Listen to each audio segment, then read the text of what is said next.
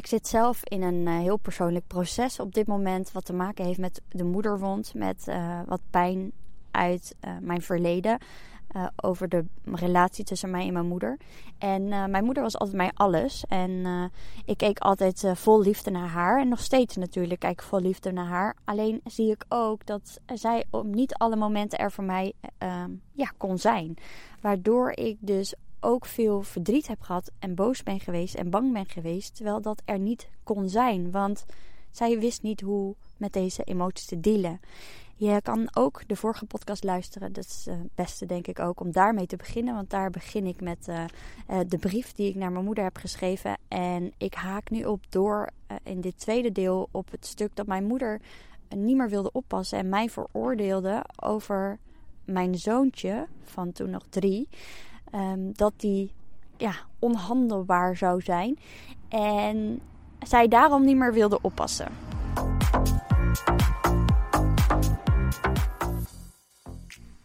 Ik was aan het werk en uh, de afgelopen maanden liep ik er tegenaan dat uh, mijn moeder struggelde met Ibe, mijn jongste. En ze had het er moeilijk mee. Hoe uh, boos hij soms kan zijn. Hoe, hij heeft dan van die driftbuien. Dat uh, op het moment dat hij moe is of honger heeft of uh, zich niet gezien voelt. Bijvoorbeeld als je op je telefoon zit of je beantwoordt niet hetgeen wat hij beantwoord wil hebben. Dan laat hij dat gerust weten. Wat, wat ik heel fijn vind. Maar daar heeft zij meer moeite mee. Want ja, mijn broer was ook zo. En daar kon ze ook niet zo goed mee dealen. Dus de afgelopen maanden uh, ben ik een soort van uh, mediator geweest. nou, dat is overdreven. Maar dat ik elke keer naar beneden ging. Als ik uh, hoor dat ze struggelde of dat Ibe elke keer naar boven ging. Op het moment dat hij er niet uitkwam met haar. En dat ik dan naar beneden ging met Ibe en in gesprek ging met mijn moeder. Zo van, oké, hoe voel jij je, en, mam? En hoe voel jij je, Ibe? En oké, wat is er gebeurd? Oké, en wat zou je dan willen? Oké, nou, en dan kwamen ze er wel weer uit.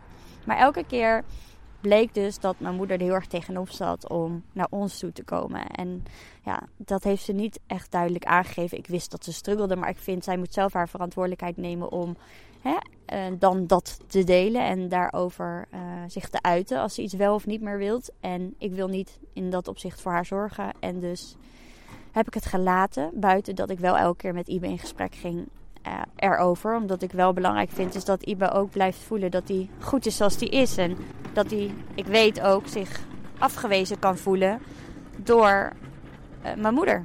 Sorry, ik zit bij de landwinkel en er rijdt net een jongetje op een tractortje uh, langs. En, maar het is een heerlijke plek hier in het zonnetje. Op, aan de picknicktafel. Maar toen, um, ja, op een gegeven moment was het haar echt te veel. Dus ik ging uh, naar beneden. Aan het einde van de dag was het. En Ibe die was weer helemaal van slag. En die had blijkbaar met de deur gegooid. En dan hoorde ik mijn moeder al zeggen: Als jij met die deur gooit en de deur gaat kapot, dan weet je wat er dan gebeurt. Dat betekent dat wij heel veel geld uit jouw spaarpot gaan halen. En dat je straks helemaal geen geld meer over hebt. Omdat wij een nieuwe deur moeten kopen. En uh, bla bla bla. En uh, dat doe je toch niet? En nou ja geloof mij, op die manier tegen een kind praten, dat werkt averechts. Want één, het kind heeft helemaal geen geldbesef, dus die weet helemaal niet wat je daarmee bedoelt. En twee, uh, je leert hem allemaal geldovertuigingen aan, uh, omdat je daarmee dus zegt dat hij dus al zijn geld kwijtraakt. Als hij dus een keer, ja, zonder dat hij het door heeft, iets doet. Dus dat werkt natuurlijk en draagt niet bij. Toen... Um, ja, ging ik dus uh, in gesprek met mijn moeder. Ik zeg, uh, wat, ja, wat voel je daar allemaal bij? En toen zei ze, toen ging ze heel erg Ibe afvullen. Ja, afvallen. Zo van, Ibe luistert niet. Ibe die uh, zegt tegen mij stomme oma. Uh, Ibe die, die kijkt me dan aan en dan gaat hij expres dit doen en expres dat doen. Maar ik weet dat Ibe zich niet gezien voelt. En het werkt niet bij hem om, om te zeggen ik ga geld van jouw spaarpot afhalen. Als je, want dan ga je iemand zitten terugpakken. En ga je eigenlijk het, het tegenovergestelde gedrag laten zien. Je gaat ja, iets pushen.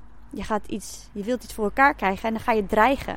Maar door te dreigen gaan kinderen ook dreigen. Dus ja, dan gaat hij inderdaad naar je kijken en uh, de juiste deur dicht willen gooien. Want hè, kinderen kopiëren. Dus als zij voelen, die boosheid voelen, voelen uh, van jou, dan, dan zullen ze dat op die manier ook terugspiegelen. Dus dat liep natuurlijk uit de hand. En um, ook voelt zij dat stomme oma. Ik heb het al honderd keer uitgelegd. Als hij zegt ook wel de stomme mama. Het is niet persoonlijk. Hij, op dat moment weet hij gewoon niet hoe hij iets moet communiceren. Hoe hij iets moet uitleggen. Of hoe hij iets moet hè, zeggen hoe hij iets voelt. Dus dan zegt hij maar gewoon stomme oma. Het is gewoon een uiting van iets wat hij op dat moment niet kan uiten. En het is aan ons om ze daarin te begeleiden. En nou dat. Nou, dus toen is hij uiteindelijk. Uh, toen zei ik: Het raakt je, hè? En toen moest ze huilen. En toen zei ze: Mag ik gaan? Zei ze nog. Toen dacht ik: Huh? Maar natuurlijk mag je gaan. Ik bedoel, je bent hier niet in dienst of zo. Dus zo heeft zij dus dat blijkbaar wel gevoeld. Dat ze in dienst is van en dat ze niet zomaar weg kan blijven. En ja, toen heeft ze, is ze weggegaan.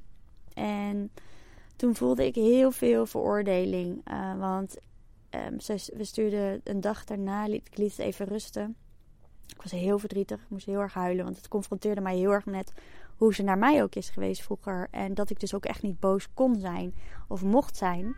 Waardoor ik dus op latere leeftijd moeite kreeg om grenzen aan te geven. En uh, waardoor ik dus me zo ging aanpassen aan anderen. En niet bezig meer was met mijn gevoel. Want ja, blijkbaar hetgeen wat ik voelde, mocht ik niet voelen. En moest ik maar normaal doen en me gedragen. Want dat zei ze ook nog tegen Ibe, je moet je gedragen. Nou, toen uh, vanuit daar heb ik um, na twee dagen of na een dag, ik weet niet meer, even haar een bericht gestuurd van ben je oké? Want zij liet niks horen. Wat ik ook wel verrassend vond.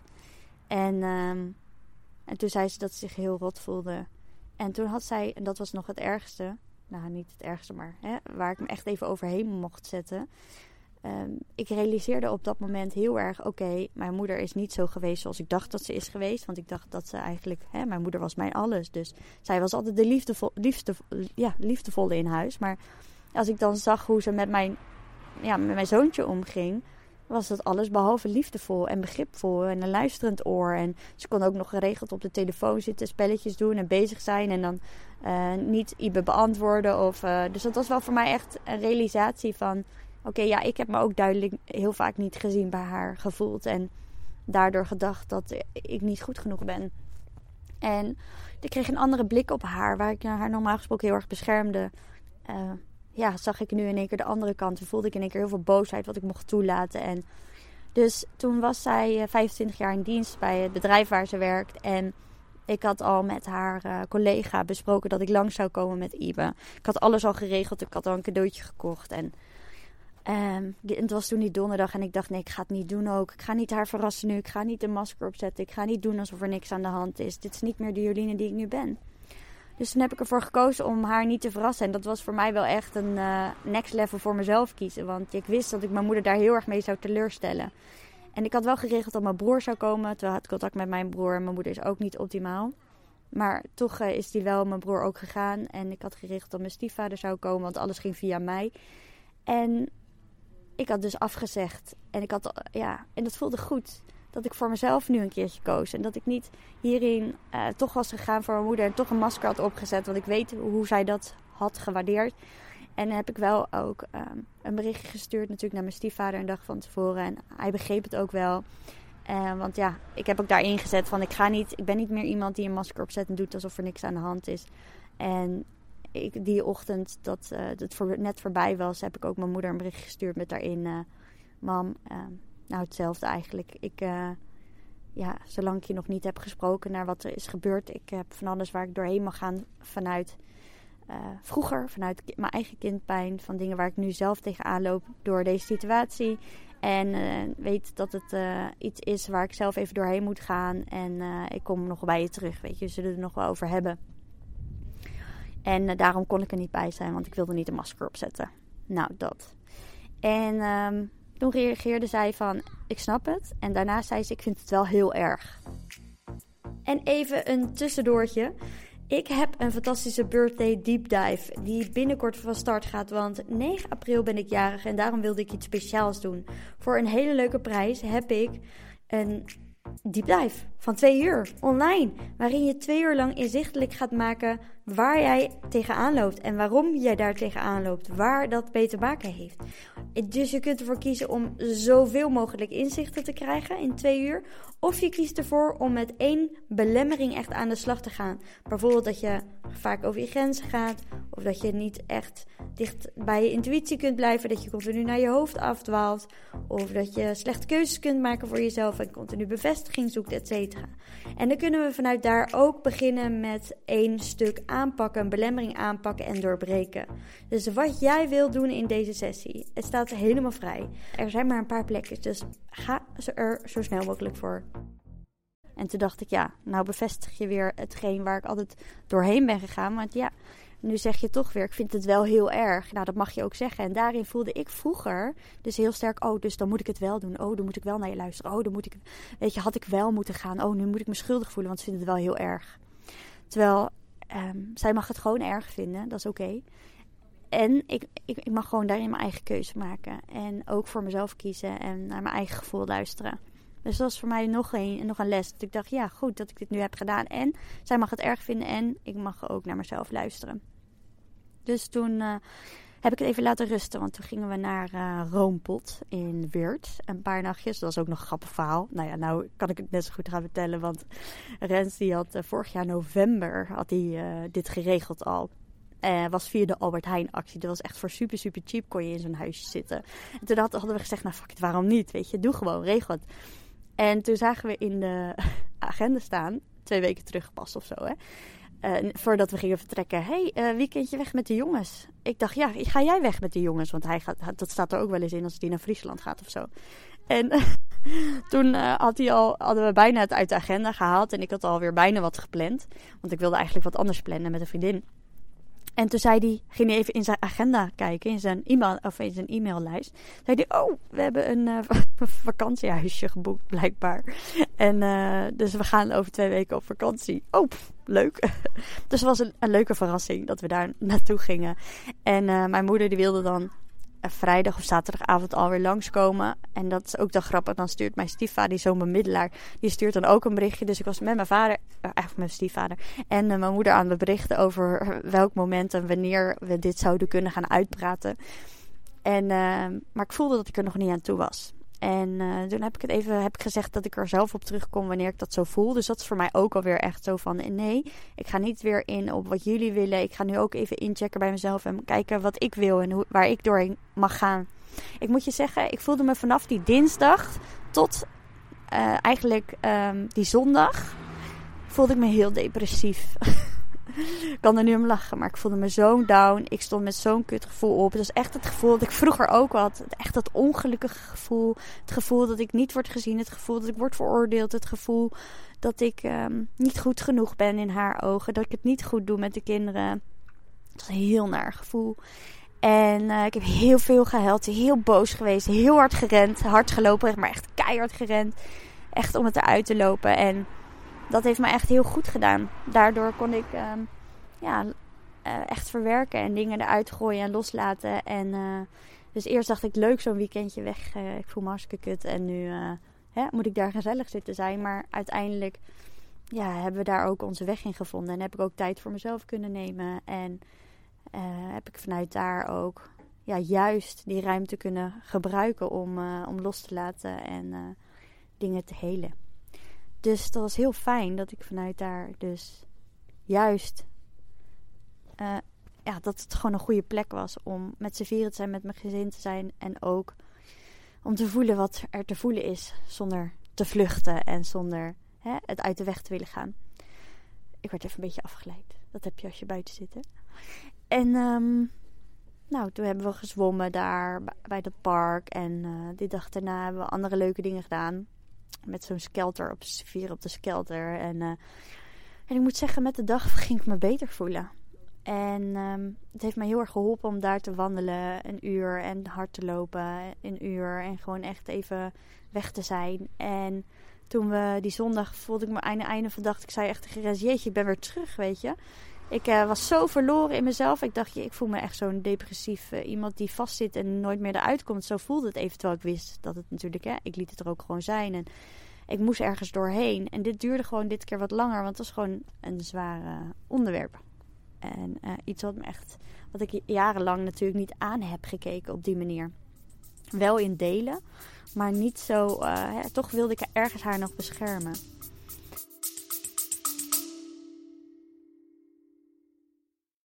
Sorry dat ik je onderbreek, maar mocht je nou tijdens het luisteren van deze podcast opmerken, is dat je zoveel erkenning ervaart en voelt dat je er wat mee wil, dat je deze kennis die je nu hoort in de praktijk wil brengen, vraag dan gewoon eens een vrijblijvend gesprek aan via www.lien-forward.nl of ga naar mijn link in bio in, op lien-forward op Instagram.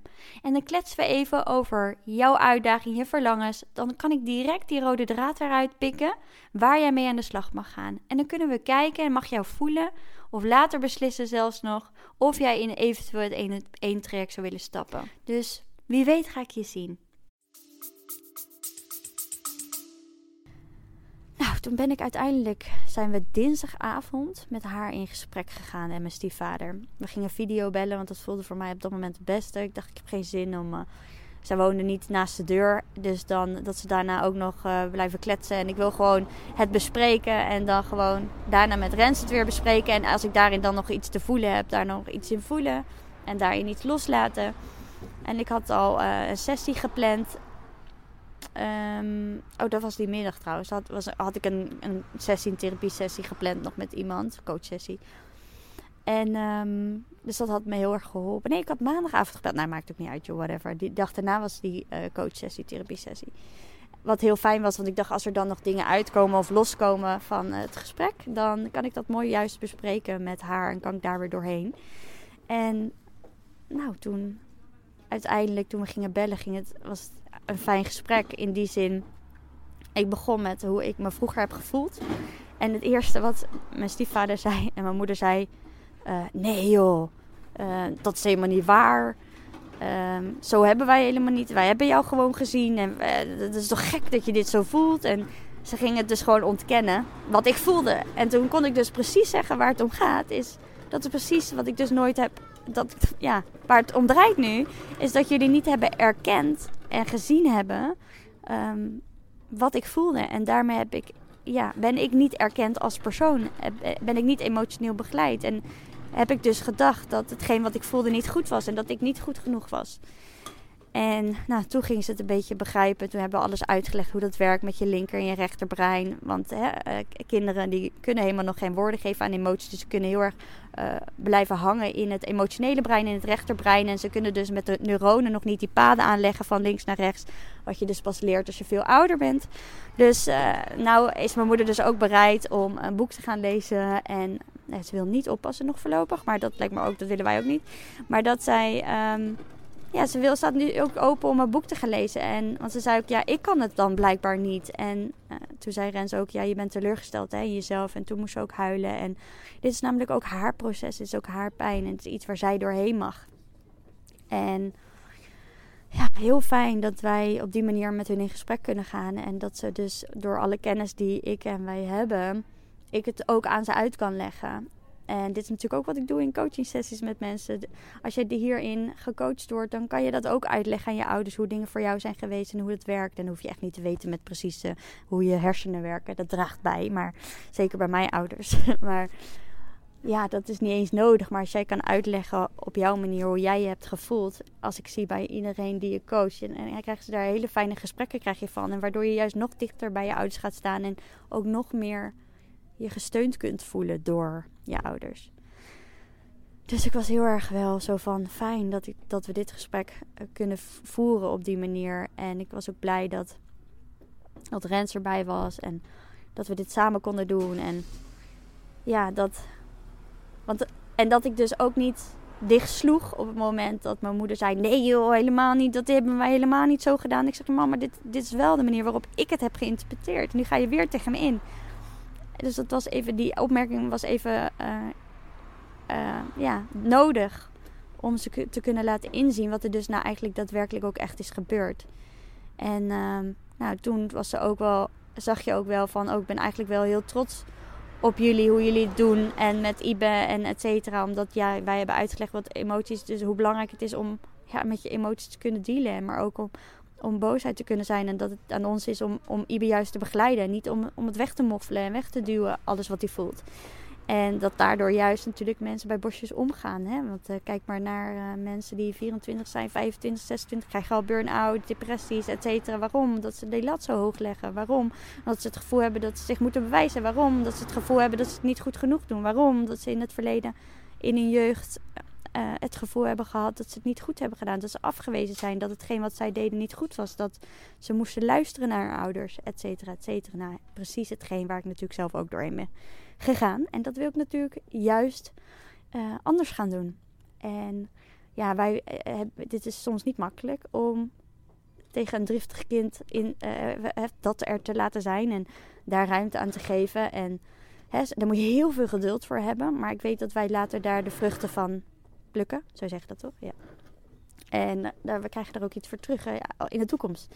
En um, juist dat hij dan voelt dat hij veilig is in de keuzes die hij uh, ja, in het voelen en dus ook in keuzes kunnen maken, ook in grenzen aangeven, ook in um, zichzelf kunnen ontwikkelen en eigen ik mogen ontwikkelen, autonomie, zelfstandig kunnen zijn.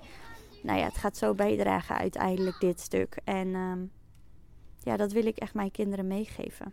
Dus het is heel mooi dat ik mijn moeder ga ik het boek geven How to Talk to Kids. Laten we daarmee beginnen. Als je het boek niet kent, is het echt een mooi boek. Uh, heel praktisch en heel erg gericht op het communicatieve daarbij blijft het dat zij, zolang zij niet haar eigen trauma aankijkt en haar eigen pijn aankijkt. Want uh, dit is een patroon van haar. Want bij mijn broer liep ze hier ook tegenaan. En mijn broer, uh, kan je vertellen, die heeft heel veel problemen en shit. want ja, hij heeft nog niet de hulp gezocht die hij wel nodig heeft. En ja, dat is aan alles te zien in zijn leven. Die is niet gelukkig. Heel lullig gezegd. En daardoor, ja, dat komt ook gewoon door dat hij zoveel boosheid en frustratie heeft opgeslagen in zijn systeem. Waardoor hij zoveel stress heeft in zichzelf. En uh, nou ja, dit allemaal ziet ook in zijn buitenwereld. Maar ik wil daar niet te veel op ingaan uh, met mijn broer. En hij heeft daar zijn eigen uiting in. En ja, mijn moeder ziet ook wel dat, dat, um, dat zij daar onderdeel van uit heeft gemaakt. En dat ze het daarom ook anders mag doen bij Ibe. Dus dat is fijn dat ze dat nu ziet. En nou, ik ben benieuwd wat dat haar gaat brengen. Ik vind het sowieso top als zij iets wil gaan lezen en daarvoor open staat. En vanuit daar zien we wel hoe verder. Misschien dat ze af en toe weer een weekendje gaan straks. Als uh, de rust is wedergekeerd en zij uh, heeft gelezen en weer vertrouwen heeft in zichzelf. Want dat is het eigenlijk, hè. Om dit weer te gaan doen. En um, ja, ik geloof ook dat zij hier dus in iets te heeft te doorbreken en te helen. En um, ja, zolang zij dit stukje boosheid niet aanpakt, haar aversie tegen boosheid, ja, zal ze dit ergens anders wel weer gespiegeld krijgen. Waardoor ze uiteindelijk sowieso wel een keer er iets mee zou moeten doen of niet. Want ja, dat is niet mijn verantwoordelijkheid. Zoals je hoort, zijn er alweer andere mensen komen zitten. Topplek, topplek. Maar goed, dit was deel 2 van de, van de podcast. Deel waar ik dus uh, de afgelopen periode doorheen ben gegaan. En uh, waar ik ook uh, nog meer mee ga doen. waarschijnlijk de komende maanden. Genoeg te ontdekken en te leren. Zo fijn? Nou, een hele fijne dag, middag, avond. En als je vragen hierover hebt of herkenning hierin ziet, leuk als je het met me wilt delen op lean-forward. Yes, doei! Super leuk dat je geluisterd hebt naar deze Lean Forward podcast. Mocht je voelen, ja, yeah, te gekke podcast, hier heb ik echt wat aan. Dit inspireert me. Ga dan zeker even naar de reviews bovenaan en laat 5 sterren achter. Want zo word ik beter vindbaar en kunnen we nog veel meer mensen inspireren om uit hun hoofd te gaan en meer zelfvertrouwen en zelfliefde te voelen. Oh, en by the way, als je me nog niet volgt op Instagram, doe dat dan zeker op lean-forward. Want daar deel ik ook dagelijks tips en inspiratie om uit je hoofd te komen en ook je beste leven te gaan leven. Joe!